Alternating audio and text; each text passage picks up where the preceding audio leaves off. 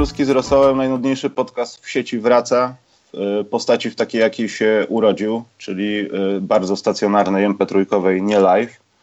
Dzisiaj moim gościem miał być osobnik, który nie ma nigdy czasu na koszykówkę i ostatnio nie był na meczu Legii, co, na co ubolewam, bo mieliśmy o tym rozmawiać, Wojciech Michałowicz, ale dzisiaj chyba załatwiłem wam kogoś, kto jest bardzo under the radar ale jest bardzo ciekawym gościem, nawet jeśli chodzi o sprawy, które nas będą dotyczyły, czyli podcastu. Oleg Wanzel, bardzo ładnie się przedstaw Państwu. Witam serdecznie i pytanie, wiesz, under the radar z której strony, nie?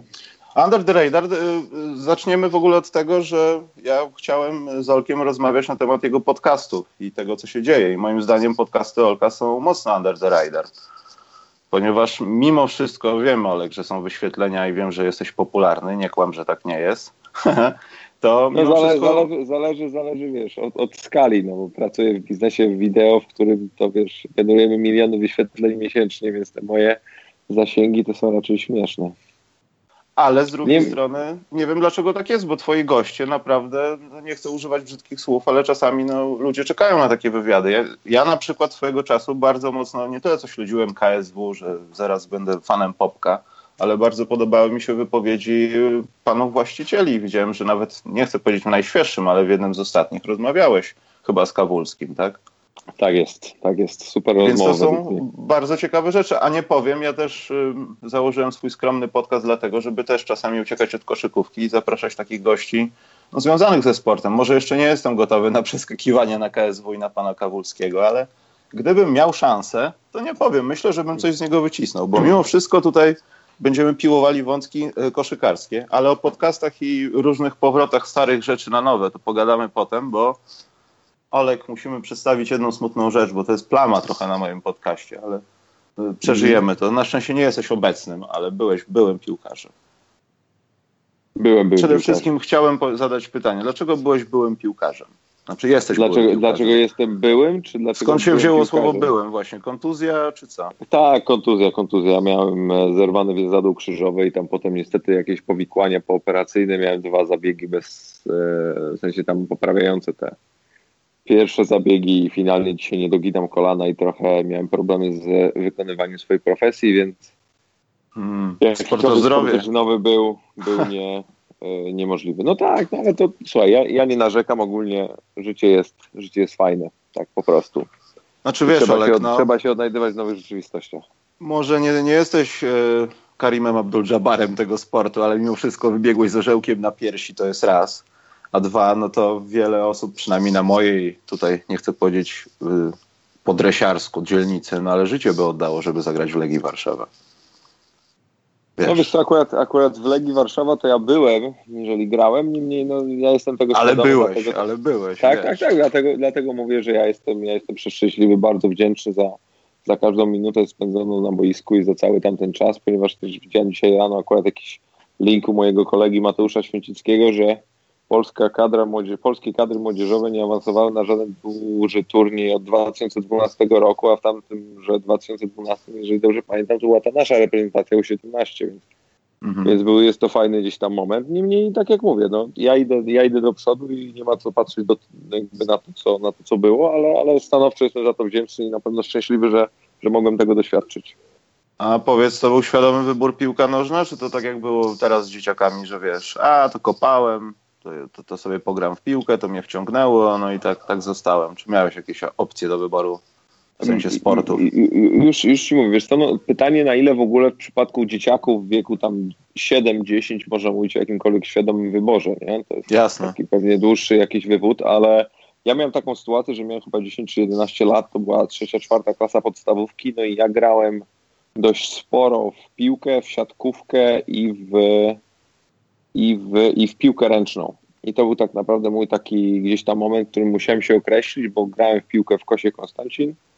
Byłem, byłem mistrzem Warszawy w siatkówkę razem z takim moim kolegą, który później byłem przekonany, że będzie siatkarzem, niestety się nie udało również przez kontuzję, a, e, a w piłkę ręczną grałem z fanu, z pasji, bo bardzo mi się podobał gdzieś tam poziom agresji w, w, i, i, kontaktów w tej, w tej dyscyplinie, no ale finalnie no, potem przyszło jakieś tam zapytanie z Legii, gdy miałem już 11 lat i to był ten moment, w którym no, mówisz sobie, że idziesz w jakimś określonym kierunku i poszedłem w piłkę i, I to, jest, i, to, I to się okazało gdzieś tam dobrym wyborem. Niemniej ja ogólnie wierzę w to, że dzieciaki do, im, im dłużej mogą się rozwijać multidyscyplinarnie, tym lepiej. E, ale uważasz, że no tutaj powiedziałeś Kosa Konstancin. Ja nie mhm. byłem za bardzo, nie jestem za bardzo w temacie piłkarskim. Zdarza mi się tamtędy przejechać na rowerze i obiekt wygląda fenomenalnie.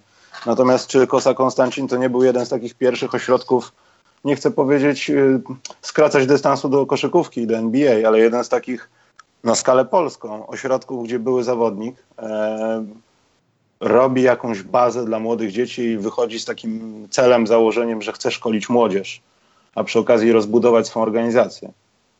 Wiesz co, na pewno, na pewno było to jedno z pierwszych. Ja nie wiem szczerze, kiedy swoją akademię założył Piotrek Rejs, ale na mhm. pewno to jest no, dzisiaj największy tego typu projekt i to w ogóle to, co on robi w Wielkopolsce i tam okolicach, to jest fenomenalne, naprawdę.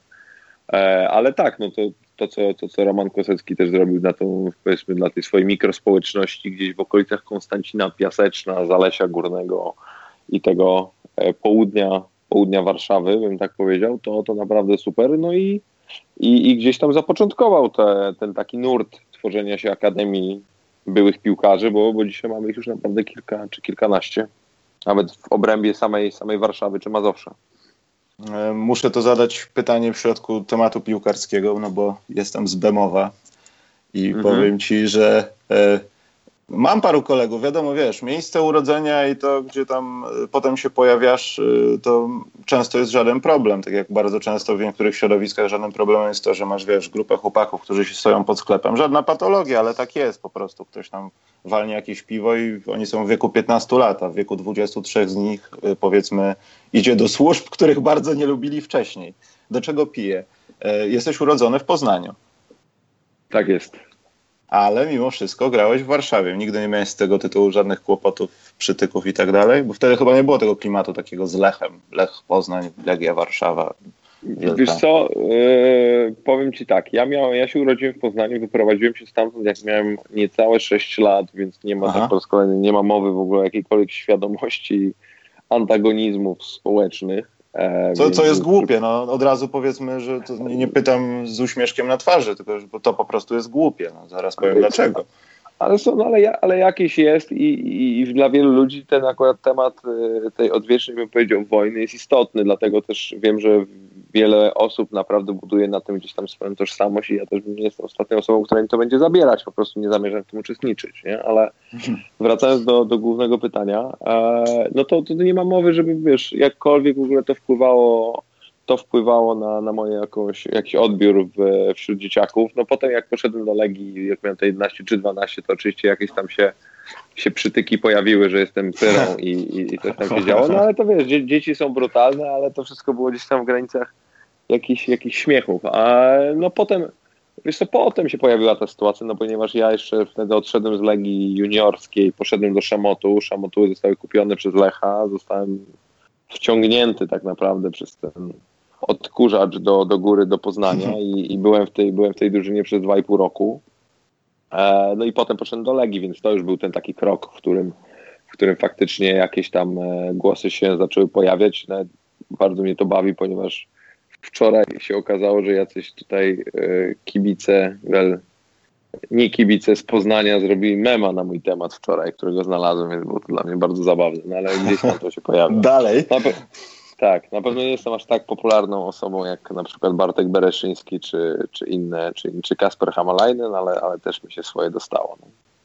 Nie, dlaczego ten Poznań Warszawa, bo wiesz, ja, no, ja wszyscy wiedzą w zasadzie, którzy nawet mnie bliżej albo dalej znają, no, że piłka nożna delikatnie nie jest moim konikiem i bardzo mnie często śmieszyło a wręcz nawet to, że ja już pomijam to, że goście po prostu nie śledzą nawet tabeli w gazecie, idą się gdzieś tam po lasach pobić. To, to w ogóle już jest w ogóle dla mnie jakaś abstrakcja.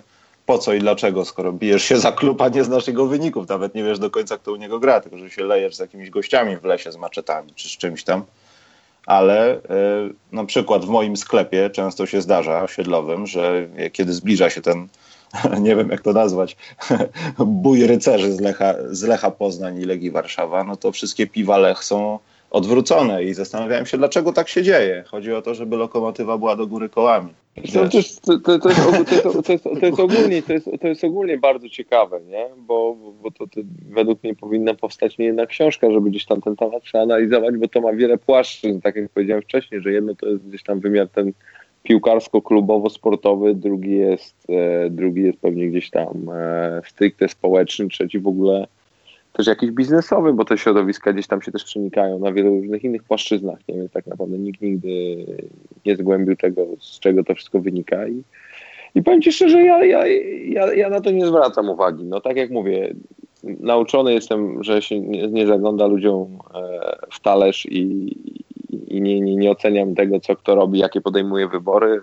Jakby jeżeli ktoś tak wybrał, to trzeba to uszanować. Jeżeli ci się to nie podoba, możesz o tym mówić, ale jeżeli, ale na pewno nie powinno się tego w żadnym stopniu wartościować, przynajmniej z mojej perspektywy. Więc jak ktoś jakby chce tak, chce tak robić, niech zasuwa. Ja, ja rozumiem, że każdy w życiu potrzebuje jakiejś, wyższego, wyższego dobra, jakiejś wyższej siły, w którą się wierzy, której się oddaje.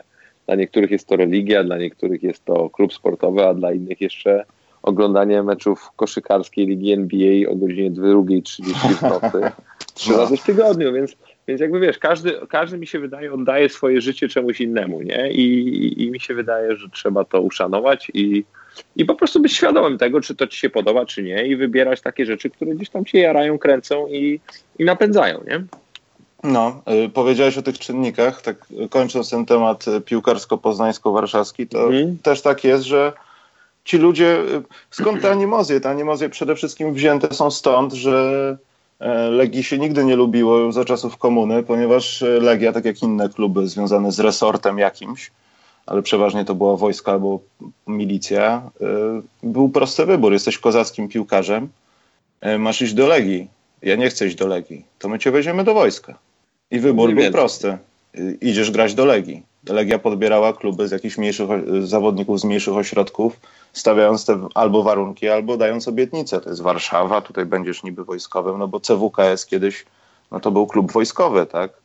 Tak samo było chyba ze Śląskiem Wrocław, chociaż nie wiem, czy on był wojskowy, czy milicyjny akurat. To było tak... No.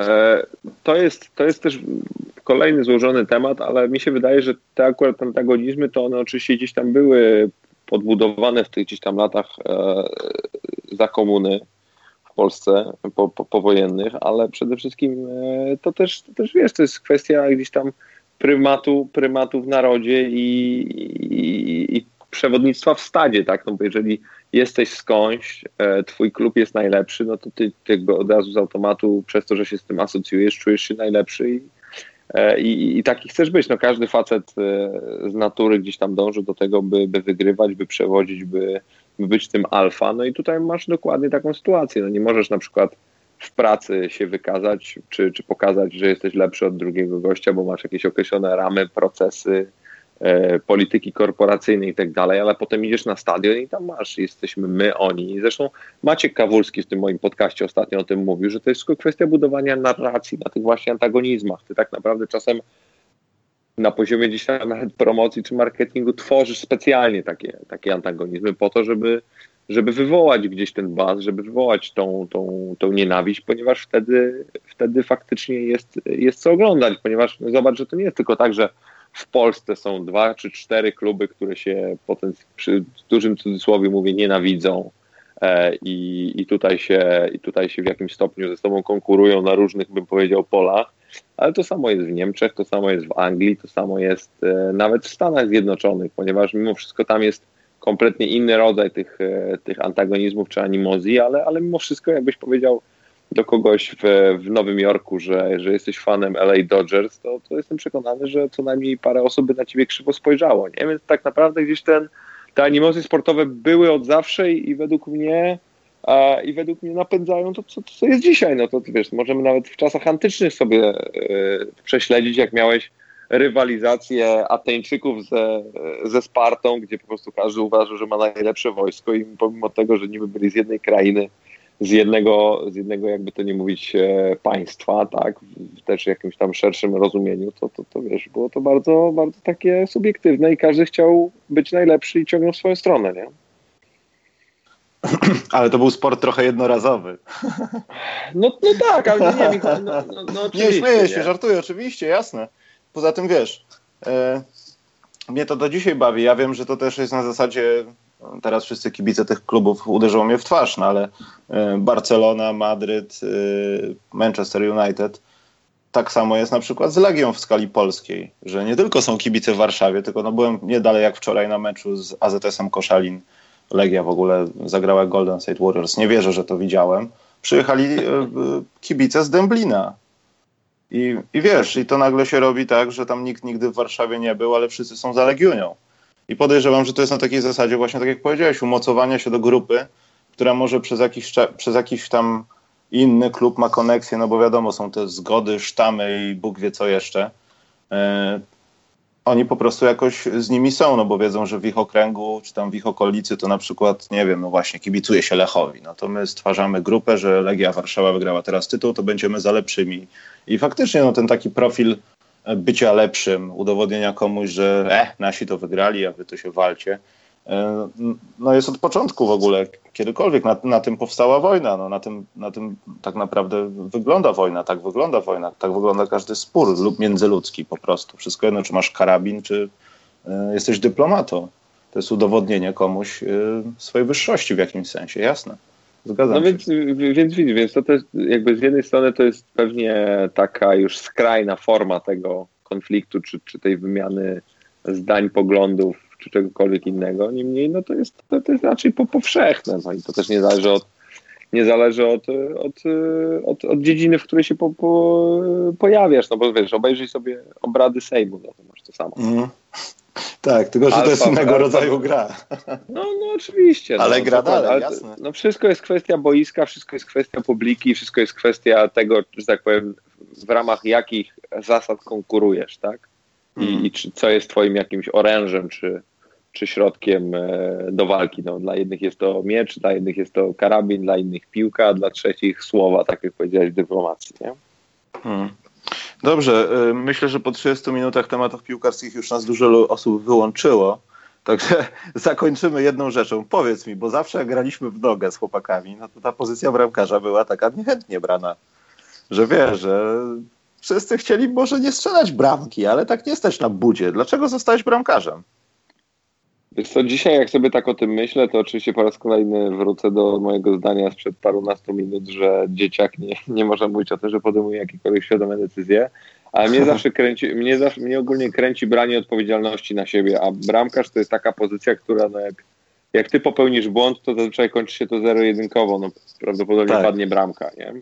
I mi się to bardzo podobało, też poza tym e, było, lubię, lubię podejmować nieoczywiste wybory i był to jakiś taki mój własny, gdzie właśnie nikt nigdy nie chciał stać na tej bramce, mi to pasowało, ja to lubiłem i, i to było fajne. Poza tym, poza tym tak naprawdę nie wiem, czy bym, czy bym był dobry na jakiejkolwiek innej pozycji, a na pewno byli ode mnie lepsi.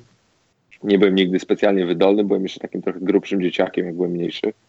E, ale byłem zwinny, miałem szybką reakcję i, i tak jak mówię, gdzieś tam te cechy, te cechy intelektualno-przywódcze zawsze były mi bliskie, więc na pewno gdzieś tam do tego aspirowałem.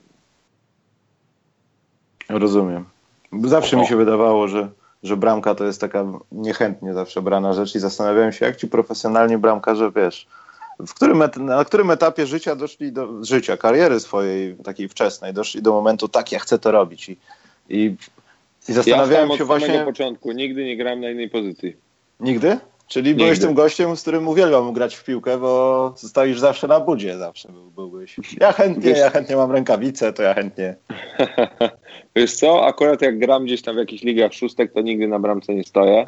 e, bo nie, nie, bo bym zepsułbym się, albo wiesz, bym zatarł to jakieś swoje w miarę niezłe wrażenie. Jakie Ale właśnie y, to Kuku zrobił ci przeciwnik, czy coś się stało przypadkowego? Nie, Kuku mi zrobiło boisko sztuczne przy minus Aha. 15 stopniach. Łęcznej. No niestety, ale słuchaj, no tak, tak się zdarza, nie takie, nie takie rzeczy się no, tak ludziom jest, dzieją, są, no dokładnie, są gorsze, a potem wiesz, ja to sobie zdaję sprawę, że, że przez rany to ma taki Kyrie Irving, który, który po prostu za, za 5-12, kiedy w końcu dostał swoją drużynę pod liderowanie no. na kompletnie innym poziomie rozwala sobie kolano, to jest problem, nie, nie jest problem to, że mm. rozwala sobie kolano w wieku lat 18 i masz całe życie przed sobą. No dobrze, zejdźmy z tematów piłkarskich, już zagaiłeś. Powiedz mi, jak wygląda twoja koszykarskość? Wiesz co, Oglądasz mecze, starasz tak, się coś, tak, nie tak, wiem... Tak, tak, uwielbiam, uwielbiam. Bacznie uwielbiam śledzić? Pytanie, Poza tym co... po rodzinie chyba ktoś cię mógł zarazić koszykówką. Czy to, czy to nieprawda, co piszą w internetach? Nie, nie, to prawda, to prawda. Akurat wiesz co, był, byłem strasznie, strasznie było przykro, bo niedawno był, był mecz, e, był mecz Legia Warszawa Czarni Słupsk w, Byłem. w polskiej lidze i, i nie udało mi się mojego dziadka ściągnąć a byłoby to bardzo takie fajne, gdzieś tam spięcie klamrą całej tej historii. No, Tylko nie wiem, czy dziadek dobrze by zniósł to, co się potem stało. W sensie czarnych no, słów. Słuchaj, no, no słuchaj, no tak Ja wiem, że pie hashtag pieniążki, ale mimo wszystko no szkoda, wiesz, no, patrząc na to, że Legia wygrała wtedy jeden mecz i nie powinna tak naprawdę sportowo tam zostać, no bo tak naprawdę te pierwsze dwa, trzy miesiące sezonu no nie zasługiwali na to. Dopiero teraz faktycznie no, nowy trener, bardziej stabilny skład, etc. Wielokrotnie o tym mówiliśmy tutaj i, jest lepiej. Natomiast no nie powinno tak być.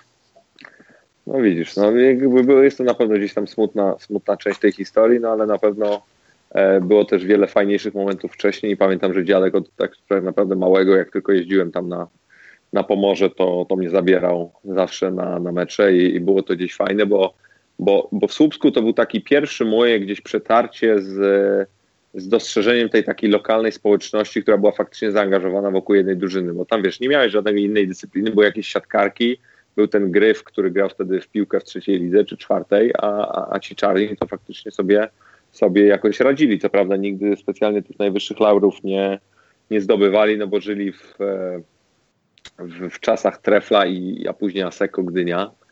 E, I to, I to było, i oczywiście tam Anwilu, i, i, było, to, było to ciężkie, no ale, ale na pewno dla młodego dzieciaka, no, który miał wiesz, tam parę lat, to było mega ciekawe. E, no i, i, tak jak mówię, e, gdzieś ta koszykówka zawsze była mi bliska. Potem e, nasz, nasz wspólny kolega z, z Twojego poprzedniego podcastu zaraził mnie koszykówką, jak miałem 14 lat. I, i od tego czasu bacznie gdzieś te NBA oglądam. No, zawsze miałem problem z polską ligą i gdzieś to tam podkreślałem. E, trochę nabrałem do tego dystansu pokory i, i, też zaczęło mi się to podobać, jak zacząłem w Legii Koszykarskiej pracować. E, no ale wciąż gdzieś tam miłość za oceanem moja jest i, i ją bacznie obserwuję. Troszeczkę niestety mniej niż, niż bym chciał, bo, bo, bo niestety nie stać mnie dzisiaj czasowo na zarywanie aż tak wielu nocy jak kiedyś, ale, ale stanowczo finały i, i, i playoffy oglądam wszystkie, a mecze sezonu zasadniczego zawsze kilkanaście sobie wybieram, które faktycznie oglądam. Praktycznie każdą niedzielę oglądam, jak jest ten mecz o 21. Mhm. To mi sprawia bardzo dużą przyjemność. E, no a te, a, te, a te wieczorne to w zależności od tego, co, E, co akurat leci. Ja stanowczo też przerzuciłem się, jeżeli chodzi o konsumowanie NBA na podcasty, ponieważ ja nałogowo słucham wszelkiego rodzaju show tam prowadzonych czy przez Billa Simonsa, czy przez JJ Redika, czy przez paru innych jeszcze tam mhm. gości. Jest naprawdę super, więc, e, więc też dostaję te, te NBA troszkę w innej, w innej formie. Mała dygresja, sprawdź, nie wiem czy słyszałeś, to chyba jest wczorajszy, czy przedwczorajszy? Wydaje mi się, że wczorajszy JJ e, Reddick robi taki mailback e, z tych -hmm. wszystkich swoich podcastów i po ostatnich dwóch odcinkach jakoś tak miałem wrażenie, że on tak to zrobił trochę na siłę, bo takie to było nie do końca takie porywające, jak było w tych, nie wiem, odcinkach tam z pierwszych, albo nawet tych jeszcze takich środkowych z Rayem Allenem, ale naprawdę tym mailbagiem wraca, bo już chciałem wcisnąć y, odsubskrybuj bo już pomyślałem, bo Reddick miał wcześniej podcast i on też popadł w taką, w taką nie wiem, no, pułapkę, że na początku było to super goście i tak dalej, a potem było to trochę tak, ja wiem, że on gra w sezonie i to tak trochę wyglądało, wymuszone przez to, że było może krótsze, może mniej przygotowane, ale naprawdę teraz ta nowa wersja jest godna polecenia, także jak najbardziej to, e, to ja też polecam. Słuchaj, ja, byłem strasznym, ja byłem strasznym, no? sorry, że ci przerwę, byłem strasznym fanem tego podcastu e, Richarda Jeffersona i Channinga Freya.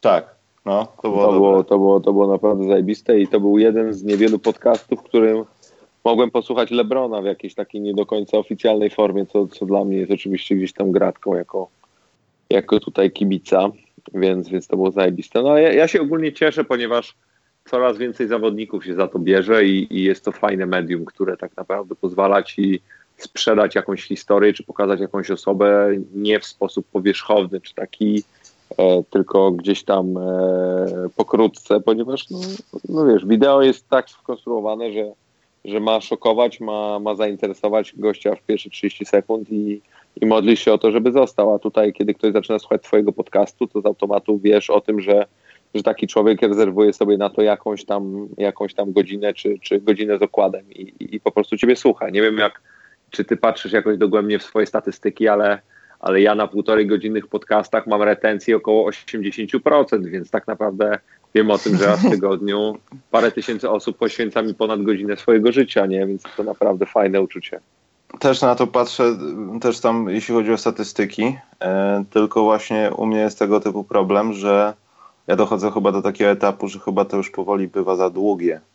I na przykład jak są te streamy, no to wiem, że ciężko przede wszystkim utrzymać uwagę w dzisiejszych czasach, bo ja nie chcę nikogo obrażać, ale no doświadczenie z pisania o koszykówce mam jedno z ostatnich czasów, no, że ludzie po prostu nie czytają i jeśli kogoś nie zszokujesz albo nie zainteresujesz, stąd są clickbaity e, swoją treścią, wszystko jedno jak byłaby merytoryczna czy nawet głupia, to po pierwszych jednym, dwóch zdaniach, albo nawet bardziej trywialnie, nie masz dobrego, chwytliwego zdjęcia i tytułu, nikt tam nie wejdzie, nie przeczyta tego. Tak samo jest e, ze słuchaniem. No, jeśli ten słuchacz nie chce tego zrobić, czyli ty i ja szukamy podcastu Simonsa, jesteśmy przygotowani na to, żeby dwie godziny ze słuchawkami, robiąc różne rzeczy, albo nawet brzydko mówiąc, siedząc w kiblu, w wannie, cokolwiek, odsłuchać to, to wiadomo, że my tego chcemy. A nie, że wiesz, chcesz słuchać podcastów, ale po dwóch, trzech już stwierdzasz, że 30 minut dla twoich uszu słuchania ludzi, którzy gadają, to jest za dużo. I wiem, że to jest, to, to jest rzecz nowych czasów, młodych ludzi. No. Zresztą też NBA poszło w tamtą stronę, żeby skupić jakąś uwagę tych młodszych kibiców w końcówkach. No niestety, ADHD może było mitem, ale też się my starzejemy, te generacje są młodsze i one mają inny punkt zainteresowania, bym tak to nazwał. No.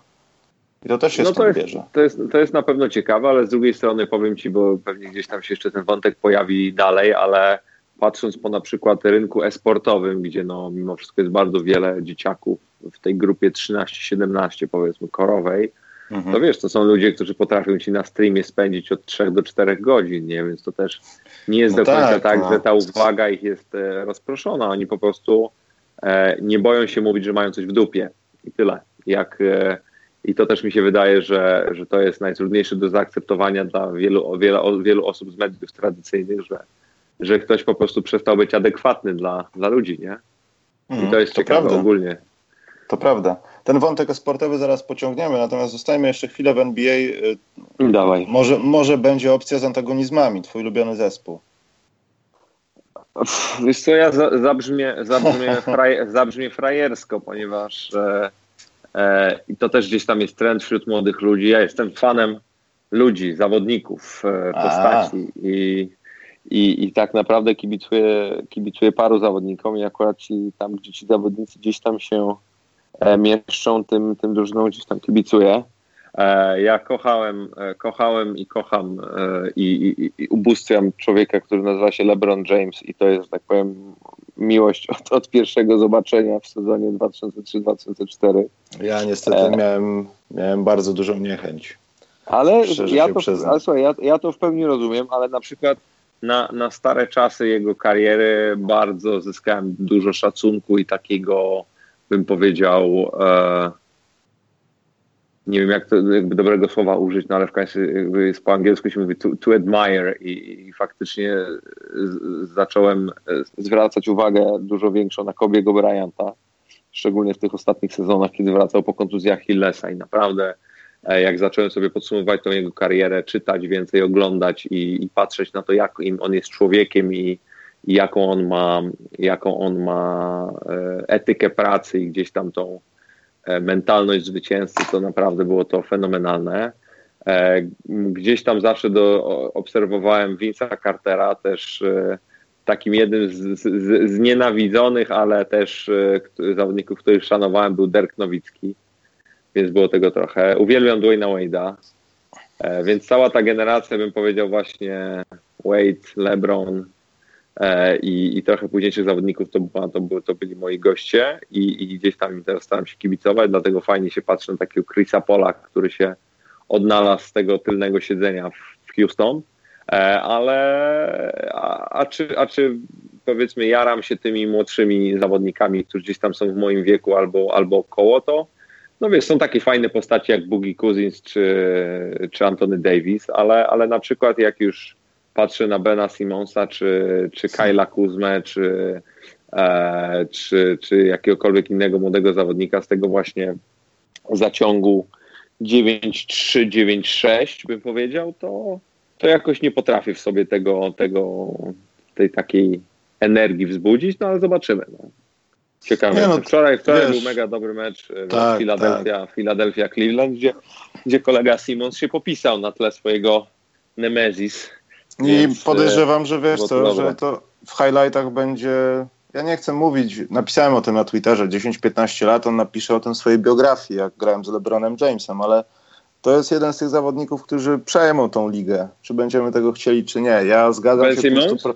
Tak, Ben Simmons. Ja nie chcę porównywać tych roczników, ale te, ta klasa draftu, gdzie jest nawet Lonzo Ball i, i tak dalej, to za Nie kupuję lat... tego gościa na maksa, w sensie... Ja go, ja go nie kupuję, jeśli chodzi o to, y, jak został, nie wiem, przygotowany przed swoim przyjściem do NBA y, przez swojego ojca i tak dalej, natomiast jest to bardzo, ale to bardzo perspektywiczny gość, tylko że jest, no, jak to się w Stanach mówi, przehajpowany.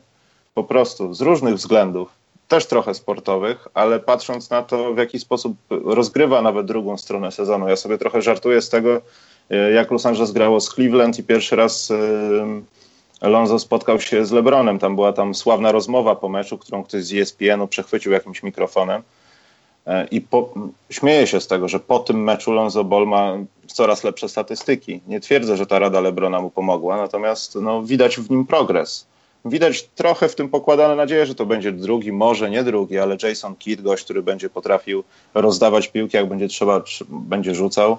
Natomiast ja nie wierzę w jego, y, w to, co mówiło, nie, nie wierzę się, to na razie się nie spełnia w to, co opowiadał jego ojciec i tak dalej. Przed nim jest bardzo długa droga, żeby zostać gościem, gościem. No wiesz, I... ja ci powiem, że mimo wszystko, jak patrzysz sobie na tę ligę, to gdy ktoś był tak wyhypowany do poziomu gdzieś tam Lebrona, czy Michaela, czy, czy Kobiego, czy Szaka, czy kogokolwiek, zobacz, że ci goście wchodzili i od pierwszego sezonu to była jazda, nie? I to no. nie, było, nie było tak naprawdę pół zawahania, że ten chłopak ma coś w sobie, nie? I potem była kwestia tego, czy faktycznie spełni swój potencjał i osiągnie tyle, ile ludzie gdzieś tam pokładali w nim w nim nadziei, nie? I to wiesz, czasem są kontuzje, czasem zostaniesz wybrany przez zły klub. No zobacz takiego Antonego Davisa, gość ma przesrane, nie? No ma centralnie przesrane, ponieważ jest gdzieś tam więźniem swoich super zajebistych statystyk, pozycji i tego, że jest, e, jest po prostu franchise playerem, więc zawsze będą mu płacić dużo no ale tak naprawdę dopóki gdzieś tam e, może, może, może żyć, żyć życiem Karla Malona, gdzie po prostu do, do ostatnich chwil po prostu będzie walczył o ten swój pierścień, nie? Jasne, jasne.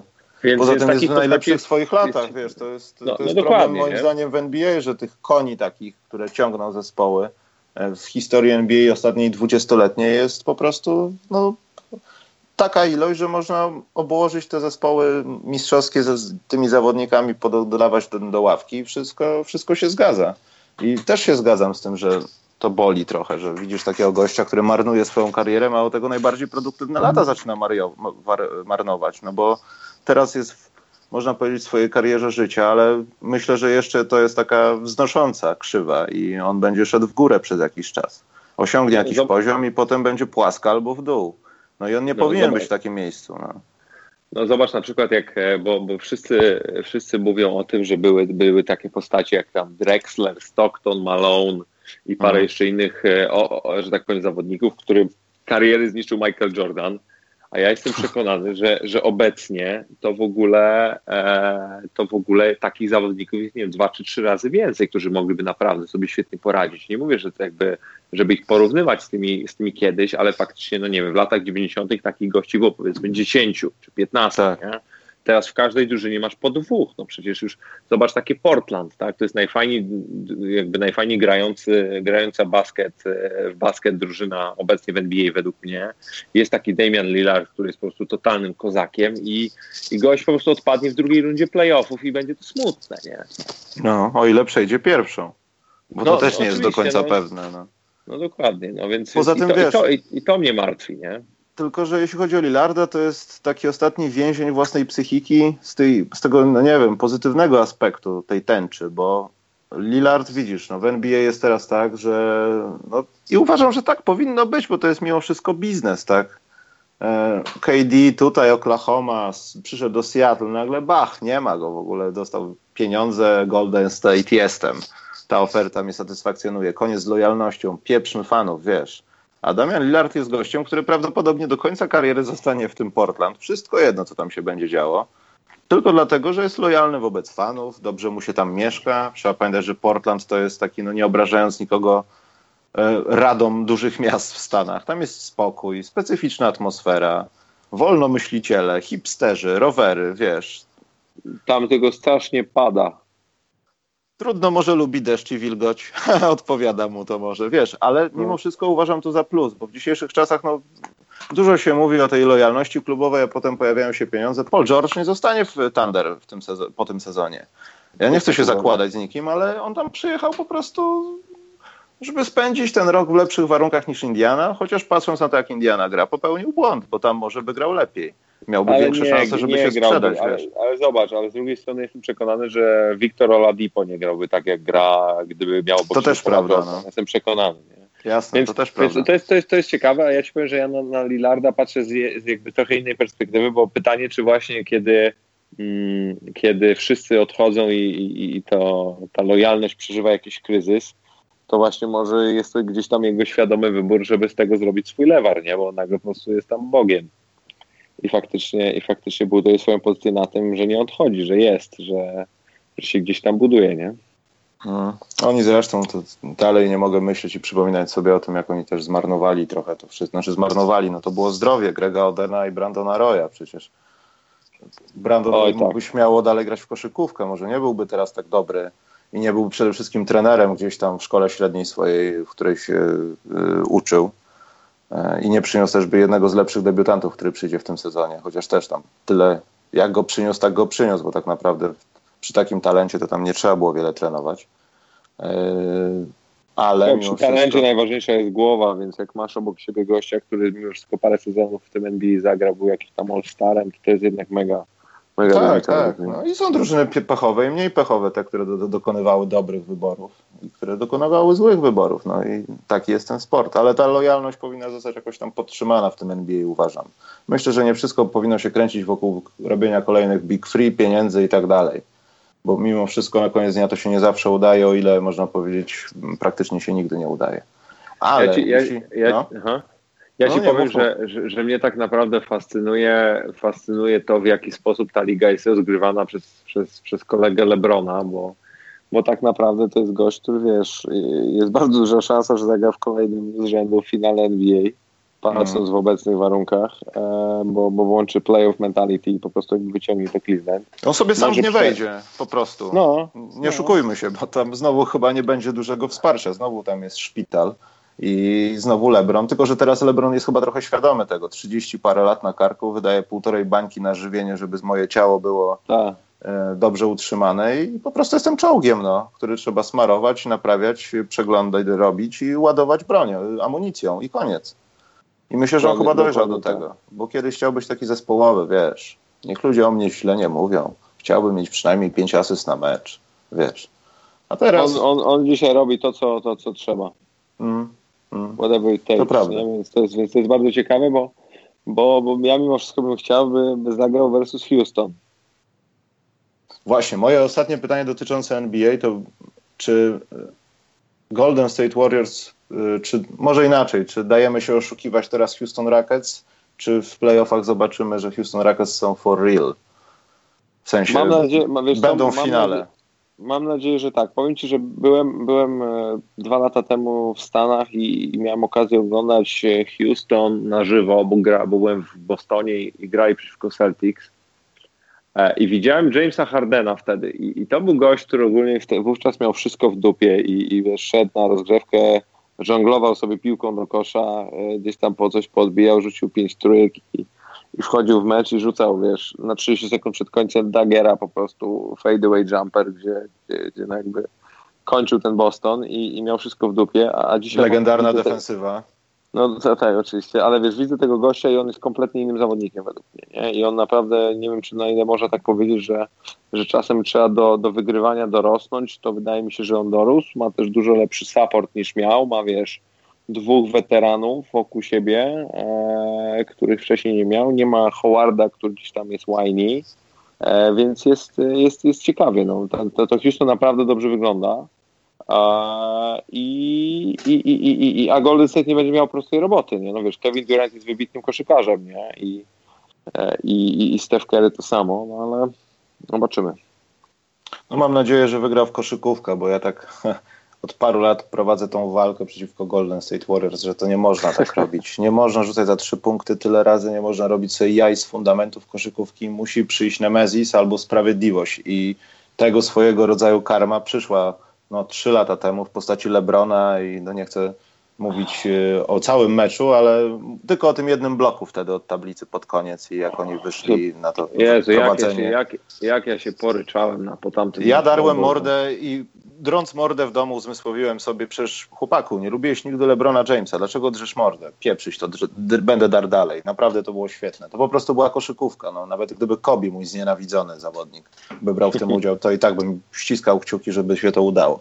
Ale też chciałbym, no po prostu chciałbym, żeby Houston zaszło wyżej, aczkolwiek wiem, że to nie do końca jest możliwe, bo Warriors też będą inną bestią w playoffach i jedyne, co może im przeszkodzić, to brak Karego po prostu, bo ta kontuzja no też tam może powikłania jakieś zostawić dłuższe niż ten powrót planowany. E, dobrze, Olek, zostawimy koszykówkę. Rozmawialiśmy już o piłce nożnej, więc już kompletnie nikt nas nie będzie słuchał teraz. Mówię, chciałbym teraz porozmawiać o Twoich działalnościach takich obecnych. No te podcasty zostawimy na koniec. Natomiast no e, jesteś współwłaścicielem drużyny e, esportowej, która gra w co? W Counter-Strike'a, w Hearthstone'a i w Fortnite obecnie a o będzie Boże. więcej tytułów. Czyli, czyli wy też jesteście w tym Fortnite'owym szaleństwie, które teraz jest na a my świecie, byliśmy, bo widzę, że już wszyscy my, grają. My byliśmy, my byliśmy chwilę wcześniej i właśnie teraz jesteśmy bardzo tutaj szczęśliwi z tego tytułu, że tak ten Fortnite się, się rozwija. Powiem tak, my mieliśmy drużynę Fortnite'a, zanim Fortnite'a zaczął grać Drake i Travis Scott, więc uważam się, że byliśmy trochę przed mainstreamem, ale, ale tak, udało nam się wsiąść do tego pociągu. E, ale co, przypadek, że jesteś współwłaścicielem, bo wydarzyła się okazja, czy, czy po prostu zawsze chciałeś, nie wiem, zobaczyłeś szansę i zróbmy to? I wiesz co, ja ci powiem tak, ja z mnie do esportu przekonał i, e, i, i, tak naprawdę go nauczył taki mój bardzo dobry przyjaciel e, Adrian Kostrzemski z, z ESL-a. Miałem też taką okazję później, że że razem z Wiktorem Cegą, który dzisiaj jest w Riot Games, czyli producenta League of Legends, mieszka w Berlinie i, i tam się super rozwija. Mieliśmy okazję zakładać sekcję sportową Legii i, e, i ten esport gdzieś był dla mnie zawsze bliski, ale tak naprawdę takie przekonanie o tym, że, że kiedyś chciałbym w to się bardziej zaangażować, pojawiło się w momencie, kiedy pojechałem do swojej pierwszej Intel Extreme Masters i zobaczyłem, z czym to się je, zobaczyłem, jaki tam jest, jaka tam jest energia, jacy tam są ludzie za tym stoją. I to wiesz, jak zobaczysz to na żywo, to to nagle te wszystkie wyniki, czy analizy, czy badania, które widzisz y, gdzieś tam podkreślające wzrost y, szybki tej dyscypliny, no nagle stają się rzeczywistością i ty to widzisz, nie? I, i od tego czasu gdzieś tam e, bardzo o tym myślałem, czy, czy myśleliśmy wszyscy. E, no i pojawiła się okazja w, pod koniec zeszłego roku, żeby, żeby w taką, w tym, w tym esporcie się mocniej pojawić i, i nie powiem, żebyśmy się długo zastanawiali nad tym. Są jakieś sukcesy już? Tak, tak, tak, tak. No, jako jedyna polska drużyna gramy w takich elitarnych rozgrywkach ESL Pro League, gdzie są no, najlepsze, najlepsze drużyny na świecie z naszej części, z naszej części globu, bo są to podzielone rozgrywki na rozgrywki amerykańskie, rozgrywki europejskie i, i tam e, inne regiony. E, byliśmy na Mistrzostwach Świata WESG w Chinach, gdzie, gdzie też e, zajęliśmy niezłą pozycję i pokazaliśmy się z dobrej strony. Jesteśmy dzisiaj pomiędzy 20 a 15 miejscem na świecie, więc to jest to naprawdę już kawał, kawał rankingu według mnie. No i wiesz, słuchaj, no jesteśmy w dyscyplinie i to jest coś, co mnie jara najbardziej, w której tak naprawdę będąc Polakiem, mówiąc o tym, że z tej Polski jesteś, będąc z tego dumny, możesz być gdzieś tam w światowej czołówce i, jeszcze zarabiać na tym dobre pieniądze, nie? Więc wiesz, siedzę teraz właśnie w bluzie Ago z, z polską flagą na, na prawym ramieniu i to jest fajne uczucie. No, poza tym też, no kurczę, no rozmawiam, rozmawiamy też o ludziach, którzy, no tak jak wcześniej powiedziałem, są trochę też nie z naszego świata, w sensie, no coraz młodsi wchodzą do tego sportu, podejrzewam. I e, to też jest po, po taki, no nie wiem, przy, przykład naszych czasów, też patrząc na to, co się dzieje w NBA, nie dalej jak w środę byliśmy świadkiem no, pierwszego w historii draftu do oficjalnej ligi NBA 2K Sports. W sensie chyba grają w 2K18, czyli w najnowszą wersję. Tak e, jest. I są reprezentowani, no jak gdyby reprezentują kluby, tak? I był normalny draft, jedynkę w drafcie wyczytał Adam Silver. E, I zastanawiam się tak, czy kiedy, kiedy dojdziemy do takiego momentu? Ja wiem, że trochę jeszcze za, na to za wcześnie, aczkolwiek nie wiem, jakaś Korea i tak dalej, to już dawno ma chyba za sobą, albo już jest w trakcie robienia czegoś takiego, że to jest tak naprawdę równoprawny, narodowy sport, e, jak każdy inny, który wymaga pocenia się i biegania. Po prostu. I zastanawiam się, kiedy dojdziemy do takiego punktu, że będzie 50 na 50, że ludzie będą oglądali, wiesz, torpedo parzęcze walczące w Lidze Mistrzów FIFA 2050, a faktycznego Lewandowskiego grającego gdzieś tam, nie wiem, w Realu Madryt czy cokolwiek za, za te kilka lat. Ja ci powiem, ja się bardzo zastanawiam na temat y, tych gier takich e, mocno osadzonych w rzeczywistości, opartych no, na, na jakiejś faktycznej dyscyplinie sportu, takim jak FIFA czy Madden, czy, czy na właśnie 2K e, koszykarskie bo, bo po prostu mimo wszystko ludzie zawsze będą woleli oglądać, e, oglądać mecze prawdziwe niż mecze wirtualne, nie?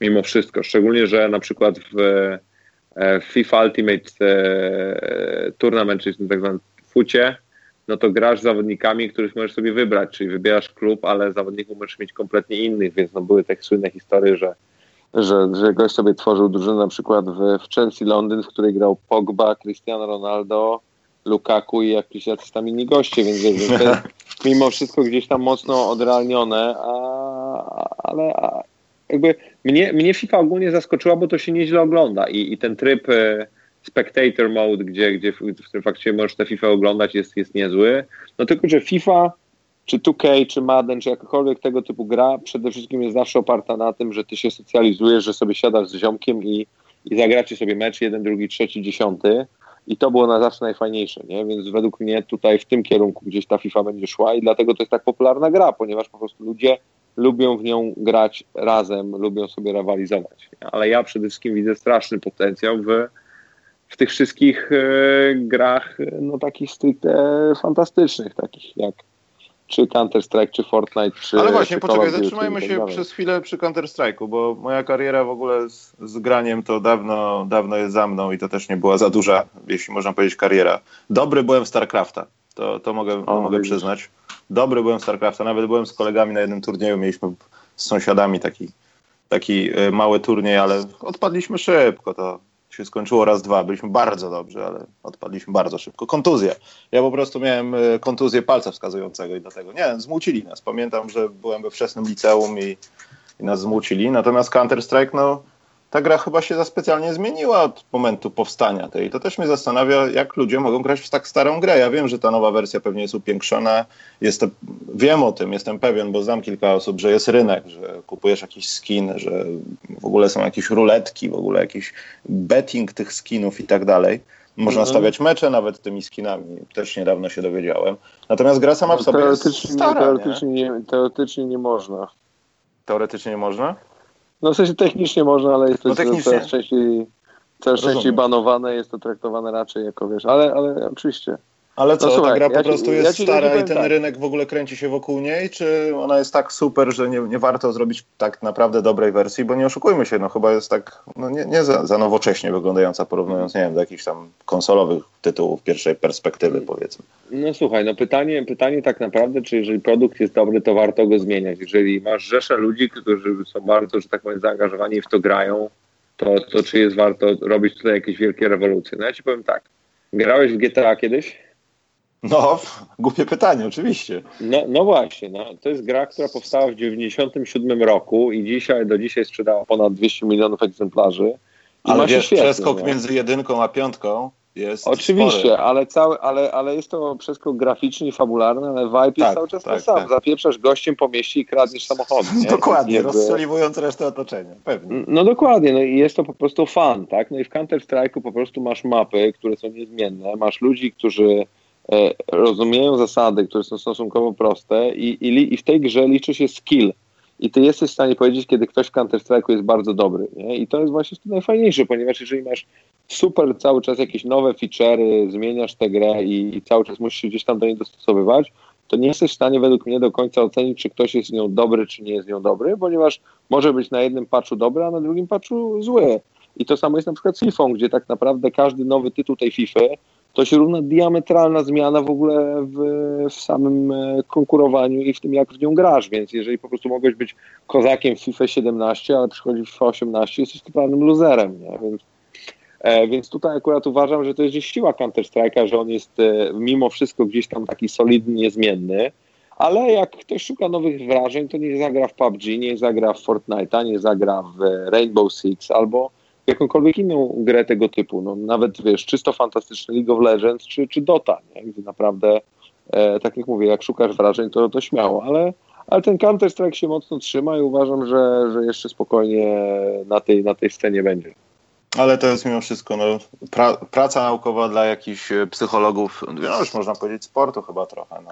Fenomen, dla mnie fenomen, bo co jakiś czas patrzę, gdzieś tam widzę ktoś na Facebooku, jakieś newsy, przeklika gdzieś tam, wiesz, głównie to są e, dzieciaki ode mnie z obozów, no bo ludzie w moim wieku już chyba nie grają po 35 w Counter-Strike'a, chyba że są teamy emerytów jakieś, wiesz, takie y, dla weteranów tego sportu, co pamiętają pierwsze wersje. Bo ja pamiętam, że Counter-Strike'a jeszcze chyba się instalowało na Half-Life'a jako jakiś w ogóle dodatek zrobiony przez kogoś. I stąd pamiętam Counter-Strike'a, bo Half-Life'a bardzo dobrze pamiętam. Bardzo dobra gra. No, dobrze. No. no.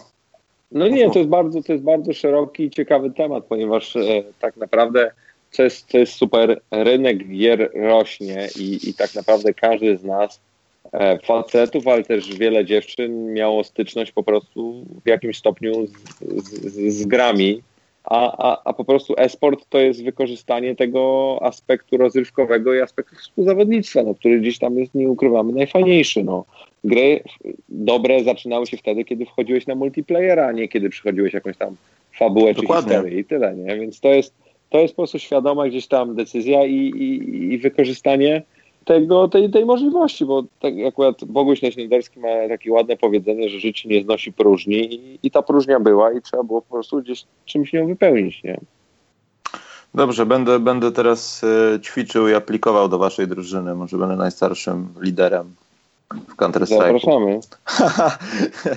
Dobrze, słuchaj, rozmawialiśmy o rzeczach takich, można powiedzieć, progresywnych i zostaniemy w tym progresywnym temacie, bo będziemy rozmawiali o podcastach i o tym, jak ludzie dają się oszukiwać, że to, co jest nowe, to nie jest stale nowe, bo to jest to, co kiedyś zostało przez nich wyparte.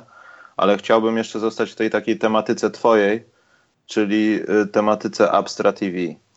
Mhm. Y, ja wiem, że dyskusja na temat tego, czy YouTube albo w ogóle tego typu media e, przeskoczyły już telewizję, bo to już chyba się stało i chyba już jakiś czas temu jest za nami. No, koronny przykład, jak już możesz kupić HBO, HBO Go poza e, abonamentem, to znaczy, że to jest. Boże, dzięki Bogu. Gruba kreska.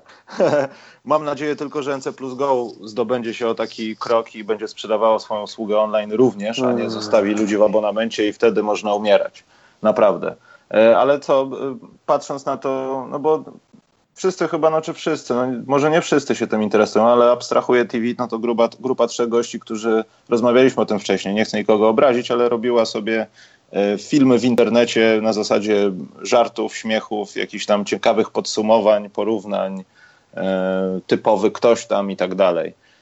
A teraz zamieniło się to, no, można powiedzieć, przedsiębiorstwo, nie wiem, medialne. I powiedz mi, czy, czy to, już, to już jest ta droga, to już jest ten trend, że teraz tak wszystko będzie? Nie, już kończymy z telewizją? Wiesz co, e, ostatnio byłem na jakiejś takiej dużej konferencji telewizyjnej i jedna, jedna z osób prezentujących tam na jakimś panelu powiedziała, że telewizja nie równa się telewizor. I to jest bardzo ciekawe sformułowanie, ponieważ tak naprawdę telewizja teraz bardzo twardo próbuje podkreślić, że to jest, e, że to zawsze był gdzieś tam biznes rozrywkowy oparty o wideo różnej maści i, I teraz telewizja będzie się przenosić do internetu, będzie się przenosić na Smart TV w formach tam VOD czy AVOD, gdzie po prostu możemy sobie na żądanie oglądać co chcemy, to co powiedziałeś HBO Go.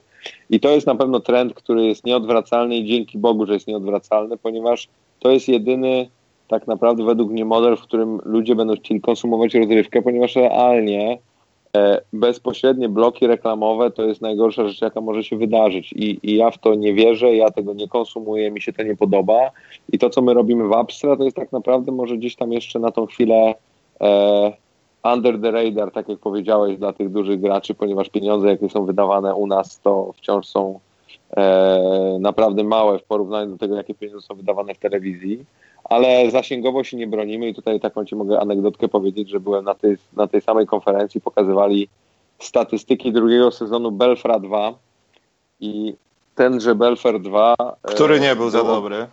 E, to już, już pomijam kwestię tego, czy był, czy nie był, no ale chodzi po prostu o to, że był to gdzieś tam flagowy, flagowy serial e, Platformy NC+.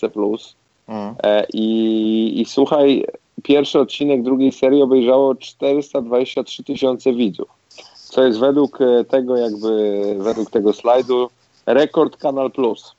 No to ja ci powiem, że to jest jedna, jedna dziesiąta zasięgu, jaki miał nasz pierwszy odcinek sezonu e, numer jeden takiego serialu, który produkujemy, nazywa się Nieprzygotowani. Tak, widziałem e, w karcie jedna... na czasie coś takiego, no.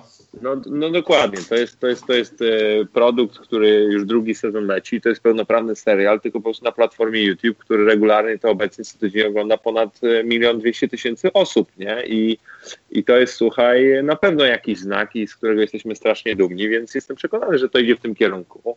Pytanie, czy telewizja jako powiedzmy te, te media offline'owe pójdą po rozum do głowy i też to dostrzegą i będą chcieli z takimi podmiotami jak my gdzieś tam współpracować, ponieważ ja jestem przekonany o tym, że sami jakby kumali internet, to już by go dawno robili, więc, że tak powiem, będą potrzebowali takiego przewodnika w postaci e, tych tak zwanych YouTube natives, ale, ale jestem bardzo ciekawy. No ja ci powiem tak, ja się jaram w miejscu, w którym jestem.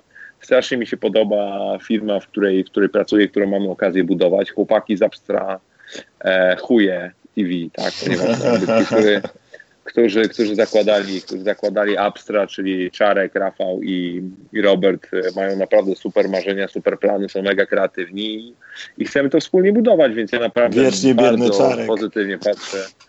No słuchaj, jest to wiesz, jest to, zawsze, jest to, wiesz, tyle, zawsze tyle, tyle, tyle tyle historii, no, no zobacz, no widzisz, e, mówiąc o tym, e, jesteś idealnym przykładem tego, że, że oglądałeś kilka czy kilkanaście odcinków i, i może nie wszyscy są... Oczywiście, oczywiście. I może nie wszyscy się do tego przyznają, czy o tym mówią, ale to jest, wiesz, kazus, e, kazus kiepskich czy kabaretów w Polsce, tak?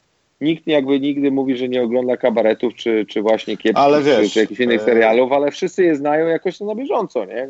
Ten, kto, nawet jeśli, szczerze mówiąc, nie byłem subskrybentem, do momentu, aż nie zobaczyłem i też e, od razu mówię, nie wszystkie rzeczy mi po prostu weszły, bo tam ja, ja wiem o tym, że nie wszystko musi wchodzić, ale niektóre rzeczy mi nie weszły. Natomiast no, ty, mhm. tego typowego Sebę, jak to oglądasz, to wiesz, że któryś z tych kolesi mieszkał na twoim osiedlu, bo te wszystkie rzeczy działy się na twoim osiedlu.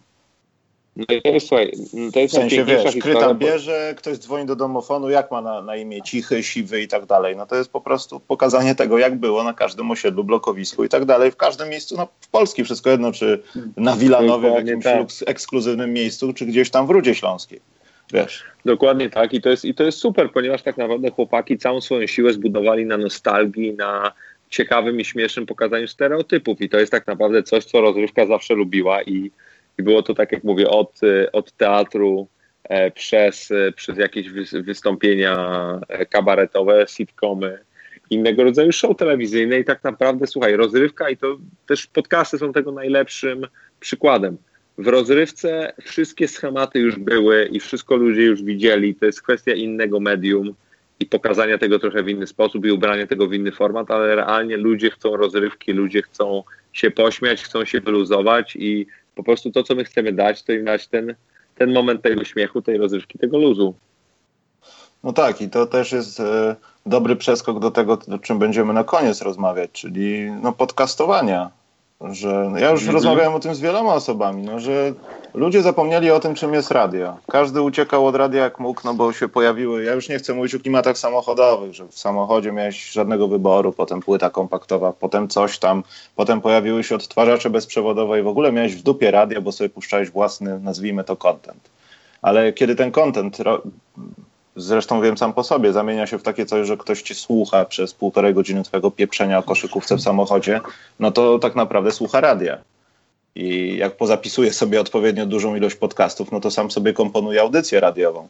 I nie wiem po prostu, czy, czy ludzie nie wrócili trochę do korzeni, wiesz, do słuchania audycji radiowych, bo co by nie mówić, no w Polsce słucha się coraz więcej podcastów i takich nazwijmy to pogadanek, dyskusji, jak to zwał, tak to zwał. Bo słuchaj, wiesz, to każdy dobry podcast cechuje się tym, że ludzie się czują, że są gdzieś tam obok e, tej całej historii, obok tego, e, obok tych ludzi i mogą tak naprawdę uczestniczyć w jakimś stopniu w tej dyskusji, ponieważ zobacz, że bardzo często jest tak, że kiedy siedzisz w paru kumpli, to gada jeden, dwóch, może trzech, a, a reszta słucha, nie? I to jest troszeczkę taka historia, że kiedy faktycznie tego, tego swojego słuchacza jakoś do siebie przekonasz i, i, i gadasz o czymś ciekawym, to ktoś będzie ciebie po prostu słuchał i to jest słuchaj, no nie, nie, ma, nie ma co mówić. To jest renesans radia, to jest e, powrót do tych długich form i, i, i, zrobienie tego w dobry sposób, ponieważ no dzisiaj jak jakiej byś stacji nie włączył, to masz jeden do jeden e, bloki reklamowe versus treść i to, jest, i to jest coś, co jest irytujące i tego nie można po prostu promować i to trzeba wyplenić, bo ja rozumiem kwestie biznesowe, rozumiem w jakim stopniu idą media, ale ale po prostu ludzie będą tego, będą szukać alternatywnych treści, będą szukać innych możliwości, bo po prostu nie możesz cały czas konsumować treści reklamowej, bo się po prostu zabijesz. Jasne, a poza tym wiesz, y, nie jestem specjalistą od tego, ale wiem, że z każdą treść reklamową możesz przemycić w taki sposób, że ona po prostu nie kole, no bo ciężko się oszukiwać. No. Jeśli robisz coś na w jakiś sposób i postawisz sobie taki plan, że chcesz to robić konsekwentnie i do przodu, no liczysz się z tym, że powiedzmy, no zależy to od człowieka, no ale jakieś tam aspekty swoje robocze musisz porzucić, więc jednocześnie, żeby coś dobrze robić, musisz na tym zarabiać i dostawać jakieś pieniądze. Więc pojawia Oczywiście. się kwestia reklam, ale to nie znaczy, że musisz zasrywać, brzydko mówiąc, pasmo, wiesz, blokiem pięciominutowym, a potem powiedzieć dwie, dwa zdania o pogodzie i teraz będzie grała Ewa Farna. 58 no, raz, powiem, wiesz. Mhm, ale powiem Ci bardzo prostą rzecz. E, wiesz, iloma markami w e, chłopaki zabstrahuje współpracowali? Wiesz co, ja podejrzewam, że z wieloma, natomiast no, najbardziej taka, co, ale to chyba u wszystkich youtuberów tych wideo, no to te takie marki podstawowe jak Play, jak Coca-Cola, bo widziałem, że niektóre filmy były nawet na to kierowane w taki sposób, że wiesz, na końcu był jakiś element, albo bohaterowie zawsze pili Coca-Colę i był konkurs na koniec, albo coś tam. Ale nie wiem, tak liczbowo nie mam pojęcia. No ponad, ponad, ponad 50 parę marek, nie? I to na samym kanale abstrahuje. I to jest tak naprawdę siła, ponieważ ty konsumujesz tę treść i, i ciebie to nie boli. Ciebie, tak jak powiem, nie, nie, nie, nie, nie kuje w oczy i, i ty w żadnym stopniu nie czujesz się albo oszukiwany, albo jakkolwiek tutaj e, nie, nie, nie boli cię to w konsumpcji. To jest tak naprawdę najważniejsze. Mm, to prawda. To, to, no i, to, i to jest fajne, nie? A, a, a, podcast też ci dodaje, bo nawet jeżeli słuchasz sobie takiego Tima Ferisa, który ci na początku przez 5 minut będzie opowiadał o jakichś super zajebistych, zielonych warzywach, które po prostu odnalazł i teraz ktoś go jakoś zaczął sponsorować, to gdzieś to cię, cię, nie boli, a jak cię boli, to, to po prostu przewiniesz i tyle. I, i, i, i niespecjalnie się na tym zaczynasz zastanawiać, nie? To prawda. I to, i to jest piękne. Dlatego, dlatego platformy VOD mają tyle sensu, ponieważ po prostu mm. dostajesz ten wybór. No, dlatego serwisy streamingowe mówią ci zapłać albo dostajesz z reklamami. Ja wolę zapłacić, ponieważ mam tego wszystkiego podziurki w nosie. Dokładnie. Poza tym to jest też często strata czasu. No ja już nie mówię, tam przykład Ipli. No, oglądasz coś i nagle bach jesteś coś wkręcony i masz dwie minuty pieprzonej przerwy, gdzie widzisz mało tego, nie inną reklamę, tylko tą samą, którą już widziałeś przy dwóch poprzednich odcinkach czegoś, co oglądasz. I potem się zastanawiasz, no to co, no to zaprzyjaźniamy się znowu z powrotem lepiej z torrentami? Wiesz. Ja ci powiem, że dzisiaj żyjemy w takim świecie, w którym e, należy, powinno się i jest dużo prościej konsumować treść legalnie, dlatego uważam, Oczywiście. że konsumować treść legalnie bo, bo słuchaj, zarabiamy coraz więcej, mamy coraz jakby więcej możliwości do, do pozyskiwania pieniędzy różnego rodzaju i jeżeli ja mogę z czystym sumieniem wydać 20 zł na Spotify'a i 40 zł na Netflixa miesięcznie i, i jakieś inne HBO Go, to, to mi jest dużo lżej na sumieniu, że faktycznie nie muszę tych, tych artystów oszukiwać, ponieważ wiem ile, ile wkładają w to pracy, jak jest to wartościowe, szczególnie gdy gdy tak naprawdę płyty, płyty się sprzedają coraz gorzej, ludzie coraz mniej chodzą do kina i, jakoś artyści muszą zarabiać, bo finalnie chcemy oglądać to, co oni tworzą, nie? Czy słuchać, no czy, tak, no, czy konsumować. poza tym postawienie się po drugiej stronie barykady, no wiesz, stary, no chodzisz do roboty, po miesiącu ci szef mówi, że wiesz co, no pani Lusia to zrobiła, my tobie nie zapłacimy. to jest tak proste, no jeśli ty nie dostałbyś pieniędzy za wykonanie swojej pracy, no też byś był niepocieszony. Natomiast w Polsce, ja wiem sam po sobie, no wielokrotnie nazwijmy to, no to piracenie, chociaż w moim przypadku, no to to nawet nie pasuje do tego słowa, to były głównie rzeczy, które nie były dostępne w Polsce kiedyś po prostu. I wiem, Oczywiście. że wiele osób też tak robiło, wiesz, ja już nie chcę wspominać czasów NBA i tak dalej, że y, kiedy jeszcze nie było League Passa, były serwery, które były w znacznej mierze oparte na strasznie archaicznej technologii FTP, że dosłownie się, wiesz, y, logowałeś na serwer, tylko że musiałeś zapłacić, żeby mieć hasełko i dostęp do odpowiednich folderów a w tych folderach były po prostu wrzucone przez kogoś mecze, no tam z rosyjskiej telewizji, z niemieckiej telewizji, ale tylko dlatego, że skąd mo mogłeś to z innego źródła wziąć? No nie dało się, no po prostu, nie było takiej dostępności. To samo dotyczyło też kiedyś seriali, ale teraz aż jest ich za dużo. Moim zdaniem Netflix powinien być jakoś sądownie zakazywany, że mniej tego dają albo coś, bo, bo to człowiek nie da rady obejrzeć, a to coraz ciekawsze się rzeczy robią. Na przykład niemiecki Dark, nie wiem, czy, czy się pasjonujesz serialami, ja średnio, ale mnie tak wciągnął, że głowa mała. Powiem ci, że ten niemiecki serial to wypruł mnie kompletnie. Ja powiem ci, ja teraz, jestem, ja teraz jestem w trakcie oglądania tego serii dokumentalnej o doktorze Dre i Jimmy Iovine. The no, Defiant Ones się nazywa. Ta, jest ta. mega, jest tak dobry dokument, że Jezus Maria. No, bardzo więc, dobra rzecz. E, więc wiesz, i to jest, i to jest, ja ci powiem, że to jest super, ponieważ tak naprawdę wszystkie platformy VOD pozwoliły ci dzisiaj e, odkryć różnego rodzaju seriale, produkcje, których nigdy wcześniej byś na nie nie trafił, ponieważ kogo będzie obchodzić jakiś brazylijski serial, który jest po prostu o ludziach, którzy, to się nazywa chyba 3%, nie wiem czy widziałeś. Nie, chyba nie widziałem. Że tam polega to po prostu na tym, że jest jakaś grupa ludzi i tylko 3% pojedzie z przeludnionej Ziemi na jakąś tam inną planetę, jeżeli dobrze pamiętam, i oni po prostu robią wszystko, żeby być w, tym, w, tej, tej zamkniętej grupie i się tam mordują, biją, E, rozbrajają i robią różnego rodzaju inne rzeczy, żeby tylko po to no, być w tej ekskluzywnej gronie ludzi, którzy faktycznie będą mieli szansę na ten lepszy świat. Nie? Więc to też takie mocno takie mocno naturalistyczne i, i, gdzieś tam e, aktualne. No ale też wiesz, sam, e, sam e, sukces Black Mirror czy, czy Stranger Things, nie? To są po prostu tak. super, super zajebiste produkcje. Poza tym pomijając wszystko, że te seriale są dostępne, to moim, pod, moją, moim takim, nie wiem, no, podsumowaniem tego, że największym atutem tego wszystkiego jest to, że kiedy w Stanach leci sobie już teraz znienawidzony przeze mnie Walking Dead, to ja go oglądam w tym samym czasie, kiedy on ma swoją realną premierę w Stanach, bo oni odpalają to VOD i wszyscy, którzy mają konto, plus minus jakieś tam specjalne premiery, bo wiem, że to się zdarza. Oglądasz to, jesteś, a nie musisz czekać trzy dni, zanim pojawi się to gdzieś tam, albo coś tam. Nie, masz to od razu tak jak reszta świata. I możesz sobie pogadać ze swoim kolegą ze Stanów, że to oglądałeś. I to jest moim zdaniem podstawowa przewaga tego takiego, że wszyscy są updated i w tym samym kierunku, a nie, że tam wiesz, pół świata czeka. No ale nieważne, jeśli chodzi o seriale, to, to Kosma Zatorski zaczął robić coś z serialami, także yy, w sensie podcast, także to, to jest kolejna rzecz, która może zabierać wszystkim po godzinie. O, o to muszę zobaczyć. No, no. Zaczęli na SoundCloudzie, to jest y, jeszcze jeden odcinek, chyba, nie pamiętam, na streamie mówiłem o tym, ale da się znaleźć i naprawdę, no, to, to tam chłopaki jadą jeszcze tam po Netflixie, ale chyba będą rozwijali jakieś inne platformy serialowe.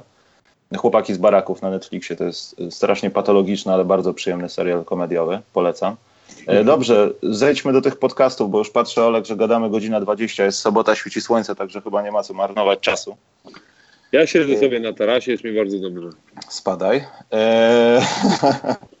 Niektórzy nie wyszli na werandę, ponieważ będzie tam za głośno. Eee, nie, poważnie, słuchaj, dlaczego podcasterstwo? Czy to jest jak w moim przypadku, że miałeś odznakę w zerówce gaduły i chciałeś i musisz gadać, czy coś sprawiło, że będę nagrywał podcasty z ciekawymi ludźmi i koniec?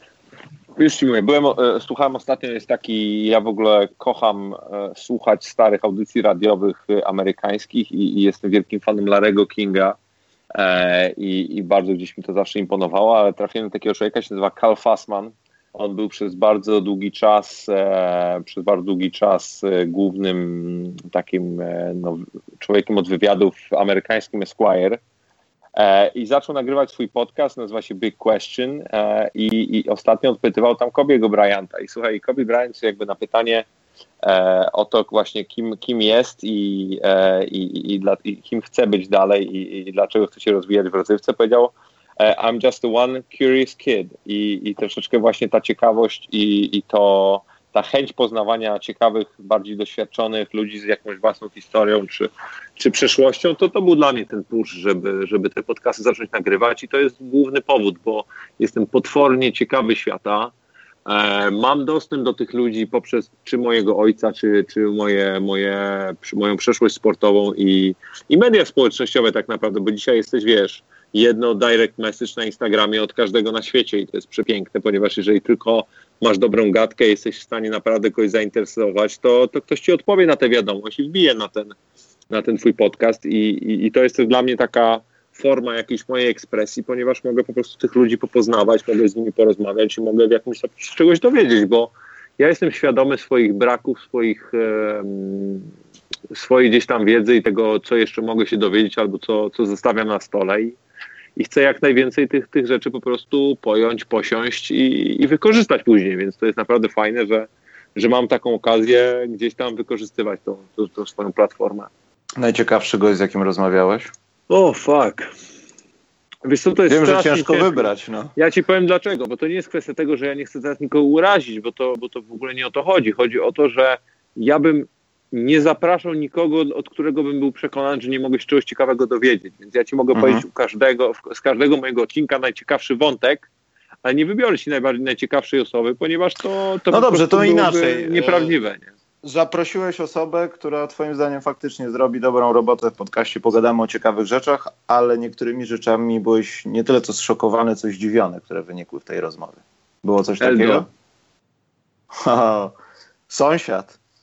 A czym? No nie, wiesz co, mega, mega rozmowa na temat e, przygotowania fizycznego i, i zmianach w, w, gdzieś tam w rozwoju dzieciaków na rzecz odchodzenia od sportu i, i tego, jak on był w szoku, gdy jako no 40-latek e, gdzieś tam outskorował młodych rugbystów e, na w biegach czy w jakichś tam przeszkodach e, treningowych i był w szoku, że, że, że kiedyś, jak byłeś młodym harpaganem, to zasuwałeś i w ogóle żaden starszy gość nie był w stanie się do ciebie gdzieś tam zbliżyć, a dzisiaj jest ten, e, dzisiaj gdzieś to dochodzi do lamusa i to było na pewno ciekawe. Po drugie, po drugie kwestia jego, jego drogi po zakończeniu kariery rapera, bo teraz chce pisać scenariusze, chce mhm. pisać książki i tak naprawdę się gdzieś tam w tej swojej liryce od, odnajdywać, co jest dla mnie strasznie ciekawe, a jako dzieciak, który go słuchał, tak naprawdę wychowywał się na jego muzyce, to było dla mnie takie bardzo też ciekawe z perspektywy jakiegoś powrotu do przeszłości. Eee, I powiem Ci, strasznie mnie zaciekawiła ta rozmowa z Mackiem Kawulskim i to może dlatego, że była ostatnia, ale, ale przede wszystkim ja się jaram fajnymi polskimi projektami i to, co panowie Lewandowski z Kawulskim zrobili w, w Polsce z KSW, to jest po prostu majstersztyk, bo to jest naprawdę rozrywkowy kawał projektu, e, którego w żadnym stopniu nie ma, nie ma się co wstydzić i powinniśmy o tym jasno i głośno mówić, że jest coś w Polsce, co zostało zrobione super. I, i słuchaj, no ja mogę tak lecieć i lecieć, no ale, ale na pewno tą rozmowę z Eldo wszystkim polecam, bo Boleszek jest potwornie, ale to potwornie inteligentnym i mądrym gościem. Nie? I, i bije od niego taka Detroit mądrość. Pistons jeszcze w dodatku. Ale wiesz, ale on, ale słuchaj, on kibicuje Detroit Pistons, ale dlatego, że on kibicuje wszystkim takim underdogom albo takim, wiesz, e, hardym gościom, którzy są gdzieś tam jakieś, wiesz...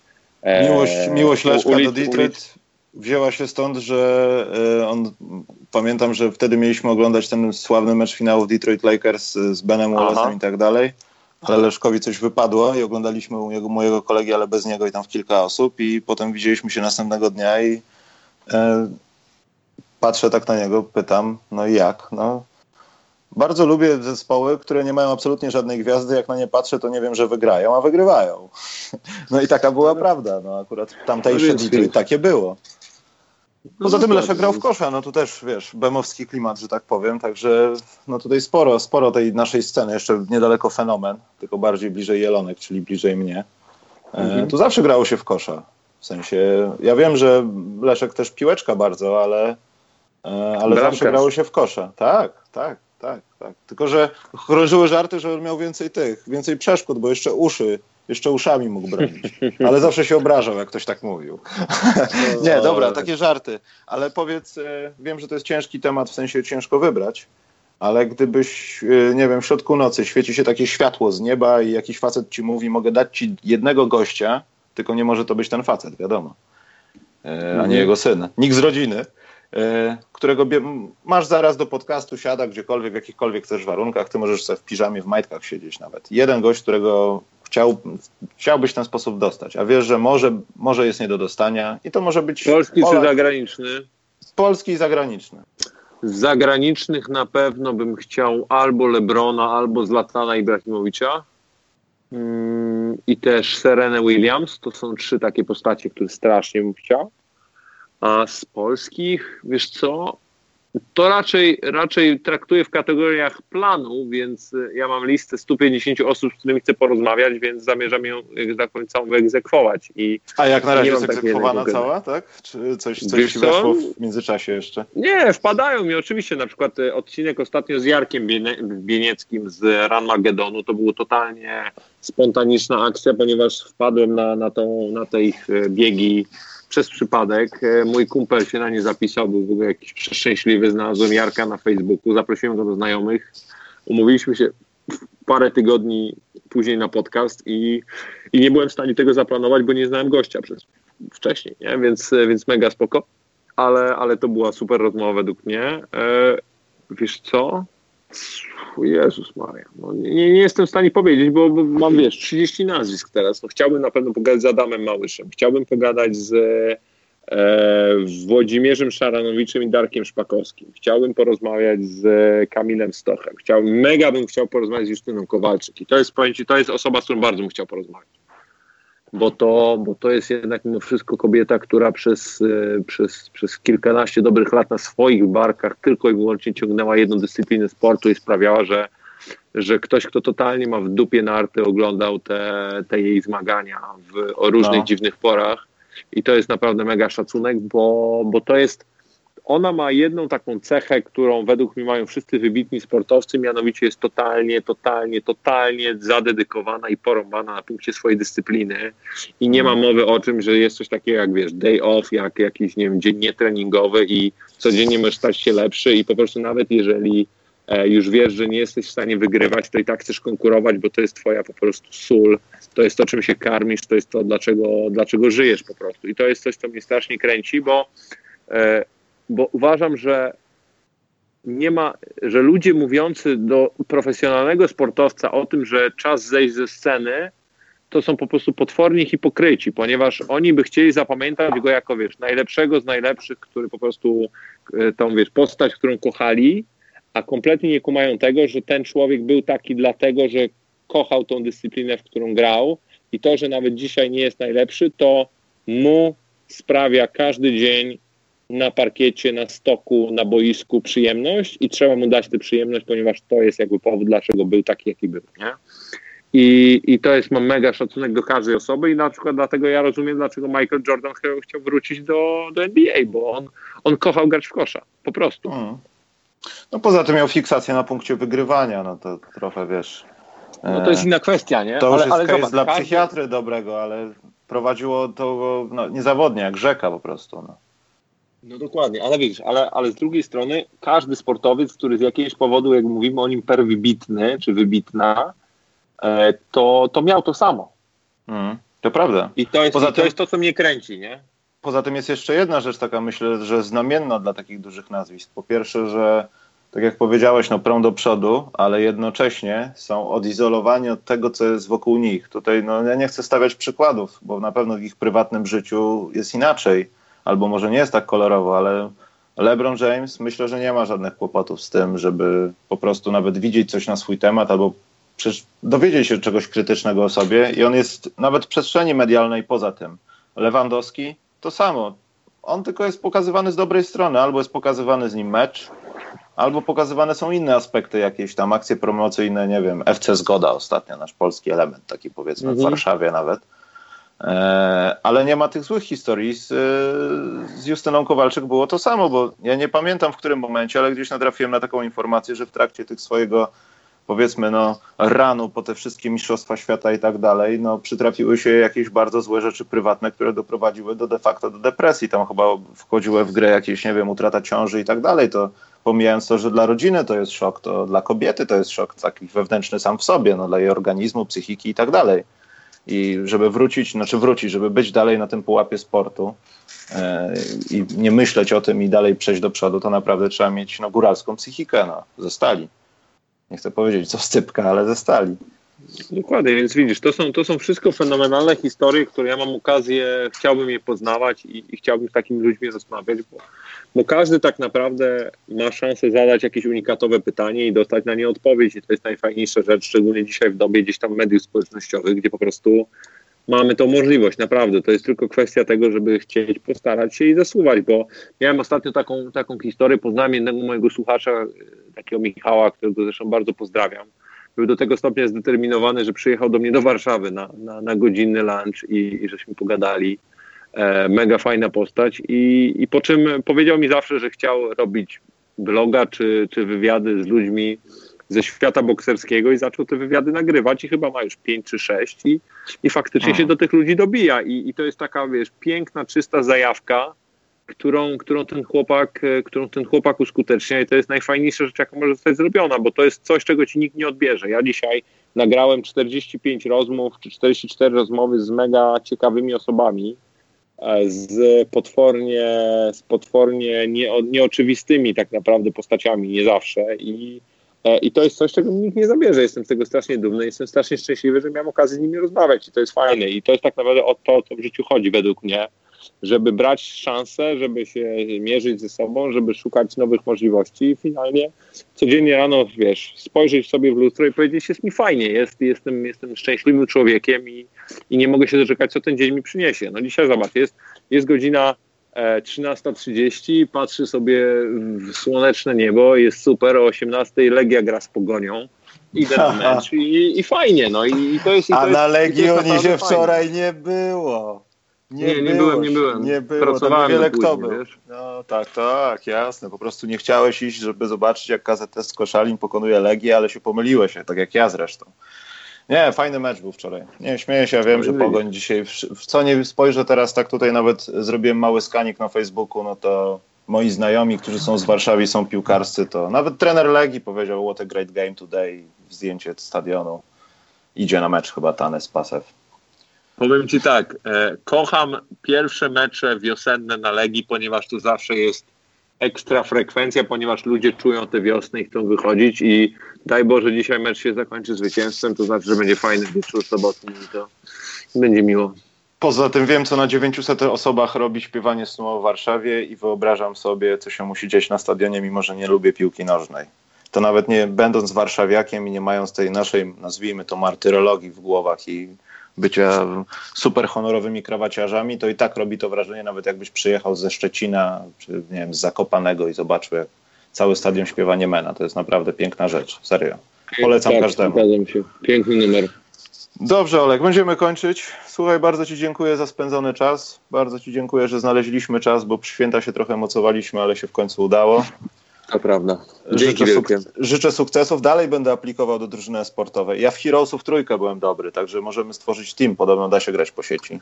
Ja byłem strasznie słaby. To dobrze, to będziemy grali taki team, że będziemy we dwóch i ty będziesz niby słaby, a ja będę ich dobijał. Ale potem się okaże, że też jestem słaby, bo Koreańczycy nas zabiją. Ale, będę, się, ale będę, będę aplikował.